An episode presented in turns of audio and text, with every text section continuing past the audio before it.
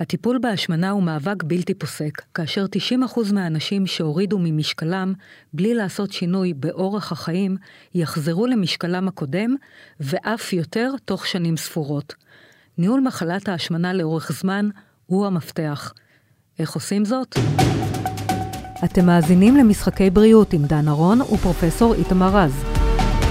כולם יודעים שבבריאות לא משחקים, אבל יש כאלה שכן. השמועות אומרות שאנחנו שם. מה זה אומר? האם המערכת הרפואית בישראל ובעולם באמת מצאה פתרון לבעיה זו? עד כמה התרופות החדשות נותנות תקווה? והאם הן יכולות להביא לשינוי לאורך זמן? איך העולם ומדינת ישראל נערכות לפריצות הדרך ולכל השינויים במלחמת ההשמנה. אתם מאזינים ל-ynet פודקאסטים. שלום פרופסור איתמר רז. שלום דנה. דיברנו רבות על אה, מחלת ההשמנה, אבל שאלת השאלות, איך שומרים על משקל תקין לאורך זמן? כן, שאלה שאין לה כמעט פתרון, אבל אולי... לא, לא, אנחנו פה למצוא פתרונות. טוב, אז בואי תציגי לנו את האורחת המכובדת, שצריכה לתת לנו את התשובות. אז לשם כך הזמנו את אה, דוקטור עידית דותן, שלום לך. שלום. ואני אציג אותך כראוי. דוקטור עידית דותן, מנהלת שירות סוכרת והשמנה במכון האנדוקרינולוגי, בית חולים בלינסון. שלום לך. אהלן. טוב, אז בואי אולי תעני לנו את, איך שומרים על משקל תקין לאורך זמן? אז השמנה היא מחלה כרונית, וכמו כל מחלה כרונית אחרת, צריך בעצם לטפל בה טיפול שהוא לכל החיים.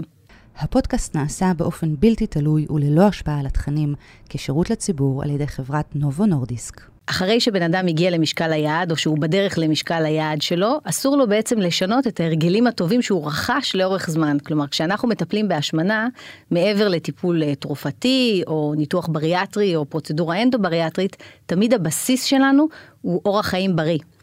כלומר אכילה של מזונות בריאים שמבוססת בעיקר על חלבונים וירקות ופעילות גופנית שצריכה לשלב אירובי ואנאירובי. אבל דוקטור דותן, אני רוצה לשאול אותך. אנחנו הרי אמרנו את זה לאנשים ב-40 שנה האחרונות. כן. והתוצאה בגדול היא שאנשים מרזים, במשך שנה מגיעים למשקל היעד, ושנה, שנתיים אחרי כן חוזרים למשקלם הקודם, ואנחנו יודעים שעלייה וירידה במשקל בצורת אקורדיון יכולה להיות אולי אפילו קצת יותר מסוכנת מלהיות שמן כל הזמן. אז, אז מה עושים? מעבר ד... להגיד לאנשים את הדברים האלה. אז קודם כל היא, היא לא רק יותר מסוכנת, הרי בכל פעם שאתה יורד במשקל אתה מאבד רקמת שומן וגם רקמת שריר.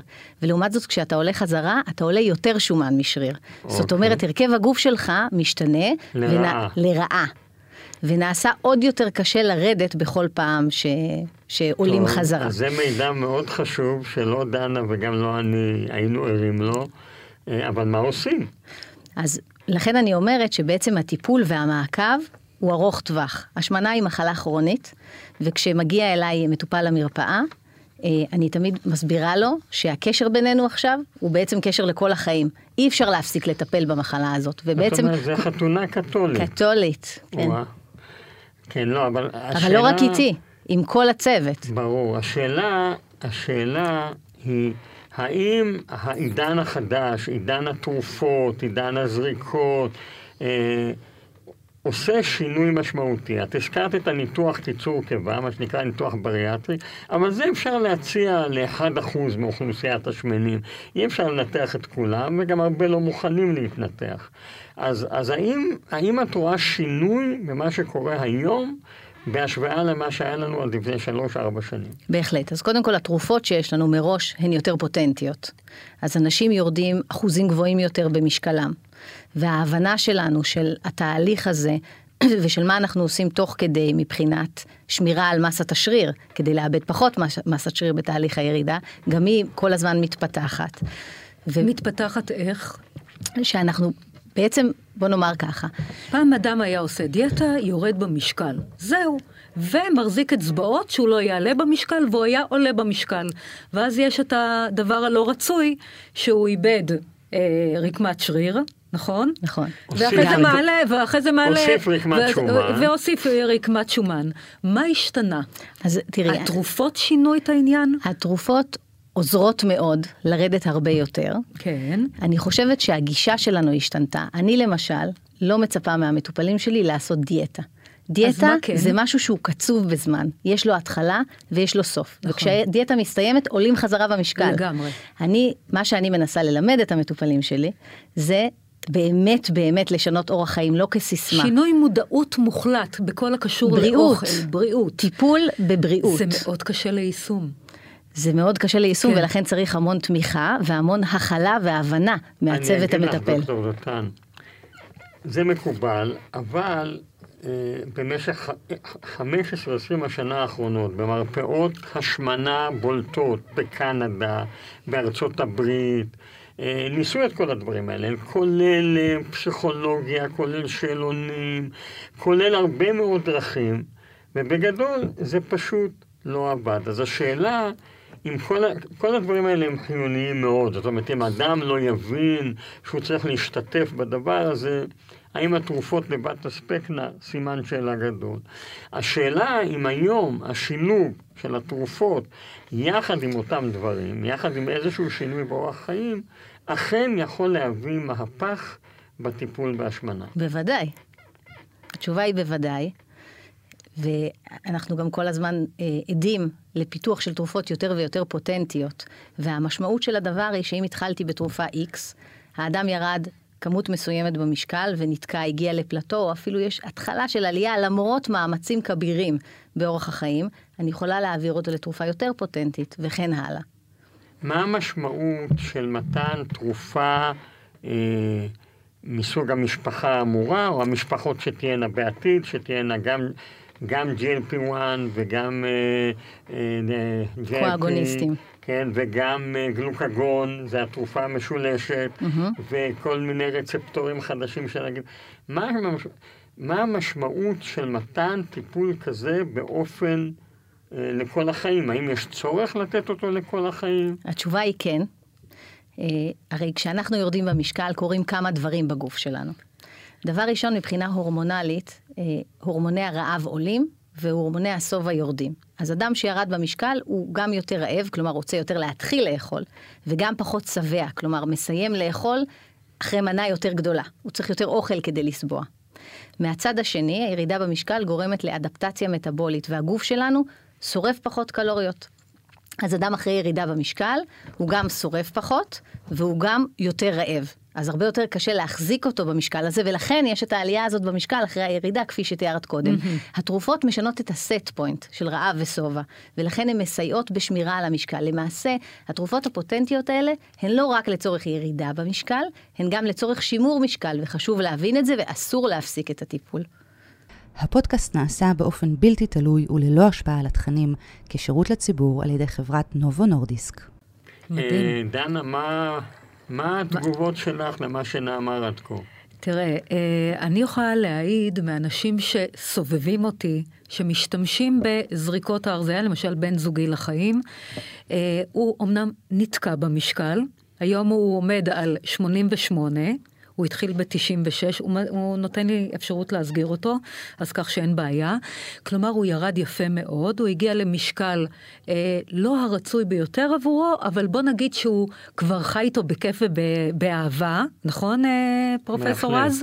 אה, אבל הוא נתקע. האם הוא צריך להמשיך עם התרופות הרזייה? חד משמעית כן? כן. אם הוא כי- יפסיק את התרופה, הוא יעלה במשקל. Mm.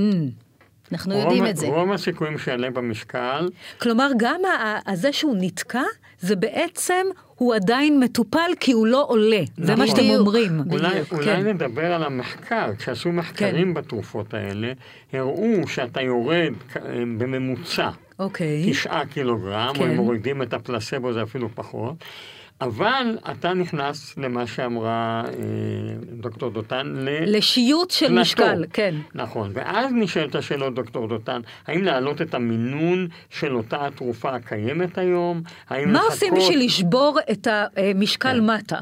נכון. בשביל לצאת מהתקיעות. אוקיי, אז קודם כל זה תלוי מי המטופל ובאיזה מצב הוא. נתחיל שוב פעם באורחות חיים. כן. אם האדם שיושב מולי מקבל את התרופה, אבל הוא לא מגיע לתזונאית, והוא לא עשה שינוי תזונתי, ובעצם הוא אוכל פחות, כי התרופה מדכא לו את התיאבון. בדיוק אבל המקרה. אבל הוא אוכל רע. בדיוק המקרה. אז אפשר לעשות עוד שינוי תזונתי לפני שמעלים אוקיי. מינונים או מחליפים תרופות. אוקיי. זה דבר ראשון. אם האדם הזה לא עושה פעילות גופנית, אז הוא צריך להוסיף לו פעילות גופנית. אם אוקיי. הוא עושה רק אירובי, אני הייתי מוסיפה אנאירובי כדי לשנות את הרכב הגוף לטובה ולהעלות לו מסת שריר. ואם הוא עושה הכל מושלם, והתרופה במינון מקסימלי, והוא באמת תקוע, אז יש מקום להחליף לתרופה שהיא יותר פוטנטית. מצוין, אבל נניח אין לנו תרופה חזקה יותר מהתרופות הקיימות היום. אה, אפשר להעלות את המינון שלהם, אנחנו מדברים גם על מינונים יותר גבוהים, אבל... אה, נגיד שאני במינון המקסימלי כבר, אבל... לא, המינון, המקסימלי היום הוא בכל זאת לא המינון המקסימלי המקובל שאושר על ידי ה-FDA, והשאלה האם יש מקום להוסיף תרופות אחרות להרזייה, למשל תרופה, אה, אני לא יכול שמשפיעה להגיד על שמות, ספיגת שומן במעי למשל. למשל תרופה שמפריעה לספיגת שומן במעי, למשל תרופה שיש לה אפקט של אה, שינויים שיכולים להיות גם שינויים אה, וסקולריים, כן, כלומר, האם. אפשר לעשות קוקטייל נכון. תרופות האם הרזייה? אפשר והאם כדאי לעשות קוקטייל כן. באותו אדם ש... שתקוע. שעושה את המקסימום.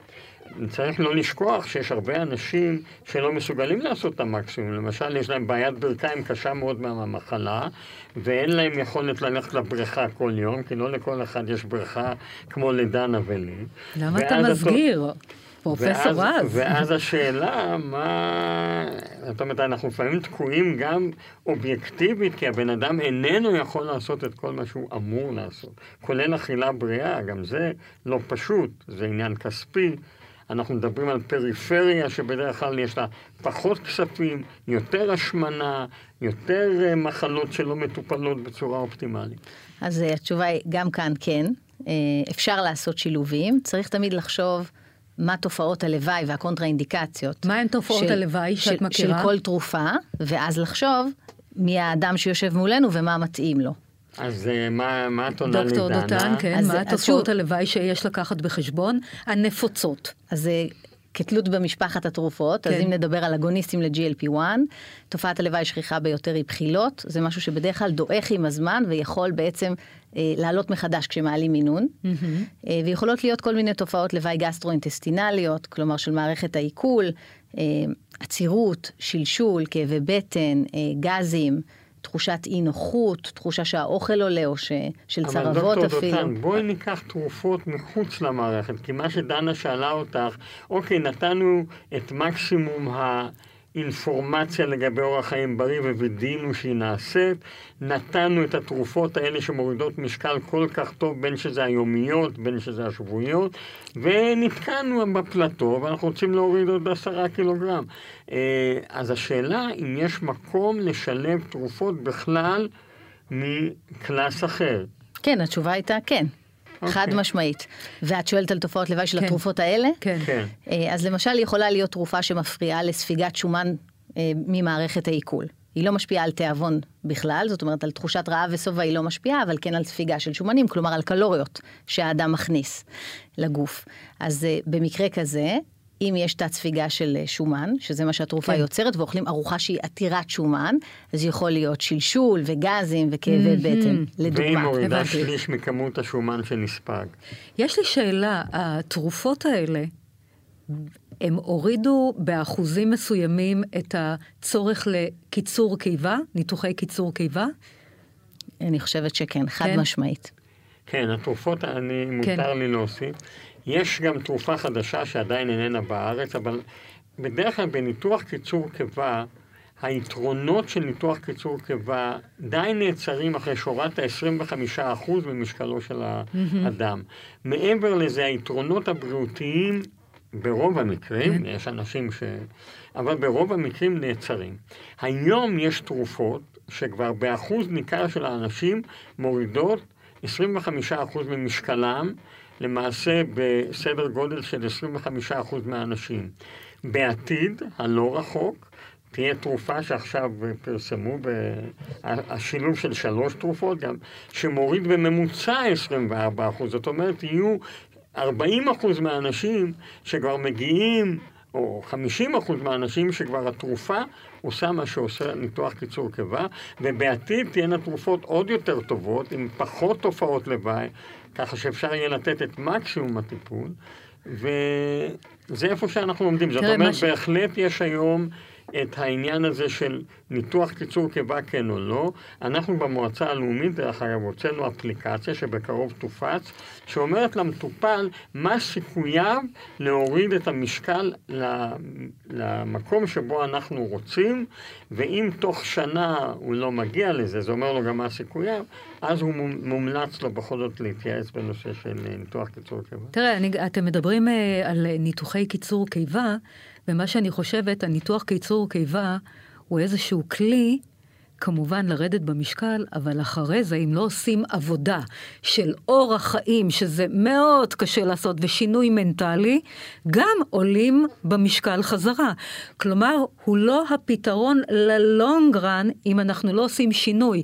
לעומת זאת, היום עם התרופות, והעזרה של התרופות, של אותן תרופות, לדכא לנו את התיאבון ולעזור לנו לעשות אורח אה, אה, חיים אחר, זה פשוט, זה, זה הפתרון. זאת אומרת, ניתוח קיצור קיבה ללא התרופות, הרבה מאוד חוזרים למשקל... אה, גם עם התרופות. גם עם התרופות. כן. בכל דבר. גם עם התרופות. ולכן אמרתי שהבסיס הוא ההתנהגות. המאמץ, אורח החיים הבריא. דרך אגב, שזה הכי קשה. נכון. בגלל זה זה תהליך קשה, ובגלל זה הוא דורש ליווי. עכשיו, אני חושבת שיש משהו שלא הזכרנו פה, כי אנחנו כן. כל הזמן באמת מתעסקים במשקל ובאחוזים נכון. של ירידה במשקל. השמנה היא מחלה שנושאת בחובה המון המון תחלואה נלווית. Mm-hmm. היא גורמת לסוכרת סוג 2.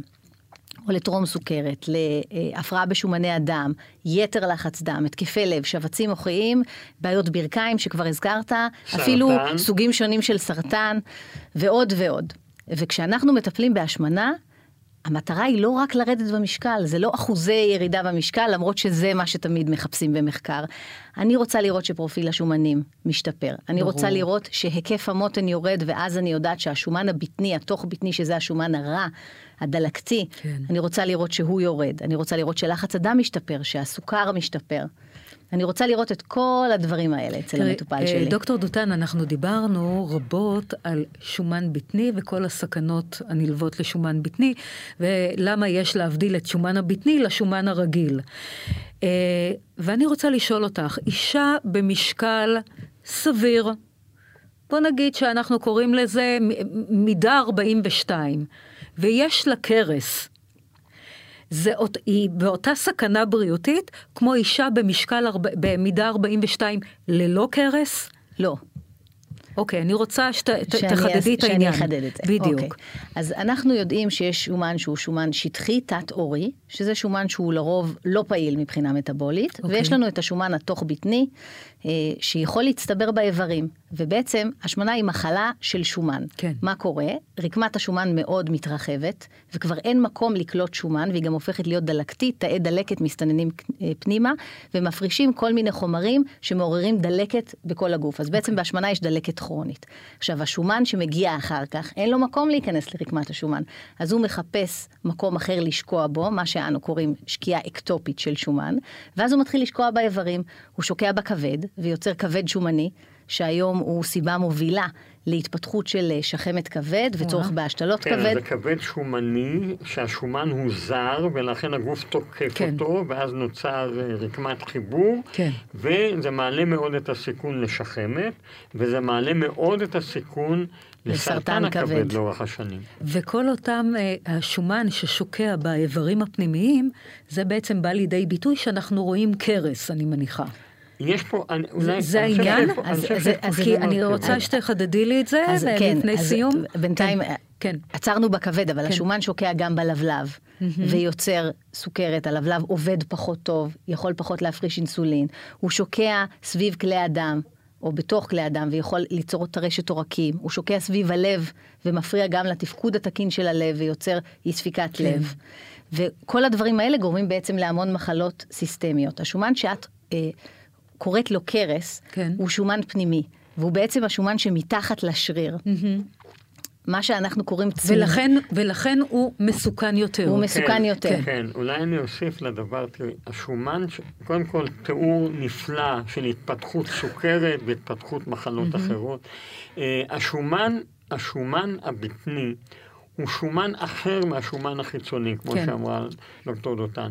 זה שומן שמפריש הרבה מאוד חומרים דלקתיים. כן. והדלקת בגוף תלויה הרבה מאוד, הדלקת הסיסטמית של כל הגוף תלויה מאוד בהפרשת אה, חומרים נקראים ציטוקינים, שהם גורמים לדלקת רצינית בגוף. אז מה השורה- אני, כן. אני, זהו. אם יש, למעשה, קודם כל, כשמגיע אליך אדם, ואתה בודק את מה שאנחנו קוראים BMI, כן, היחס של המשקל לגובה, לא ניכנס... יש אנשים שהם שריריים מאוד, שהם חזקים מאוד, ושבקושי יש להם עודף שומן. נכון. אז גם אם ה-BMI שלהם הוא 30, הם סך הכל אנשים בתחום הבריאות. נכון, הם בכלל לא עם השמנה למעשה. הם בכלל לא עם השמנה. יש אנשים, ההפך, יש נשים, וזה מה שדן אמר, למשל נשים שמאבדות את המחזור, הרבה פעמים משמינות בבטן. השמנת הבטן היא השמנה שאיננה בריאה, גם אצל אותן הנשים. אצלהם זה גם תלוי בכמות אסטרוגן, ואנחנו יודעים איך לדעת... עכשיו, אני חושב, וענה, והתפיסה שלי היום, וכמובן דוקטור דותן אה, תחזור על זה, שהשמנה בטנית בהחלט ראויה להתייחסות ולכל מאמץ כדי להוריד אותה, כולל בתרופות. אז היום אנחנו נותנים הנחיות, BMI מעל 30, אבל כרופא, דוקטור דותן, שמטפלת הרבה מאוד כן. בהשמנה, גם יותר ממני, היא יודעת שאם באה אליה מישהי עם השמנת בטן, היא תעשה כל מאמץ להוריד את זה, גם באותן התרופות. תודה רבה לך, פרופסור איתמר רז, תודה רבה לך, דוקטור דותן. ניפרד מהצוות שלנו, לבמאי צפריר שורקי, למפקח הטכני טל אתחדיה, למפיקות ניצן כהן וקשת מאירוביץ', ולעורכת שלנו, אגר כוכבי. נתראה בפודקאסט הבא. תודה שהאזנתם למשחקי בריאות עם דן ארון ופרופסור איתמר רז. מדי שבוע מחכים לכם שני פרקים חדשים בוויינט, ואתם מוזמנים ומוזמנות לעקוב אחרינו ולקבל התראות לפני כולם, בספוטיפיי, באפל ובכל אפליקציות הפודקאסטים. ואם אתם כבר שם, נשמח אם גם תדרגו אותנו. נתראה בפודקאסט הבא.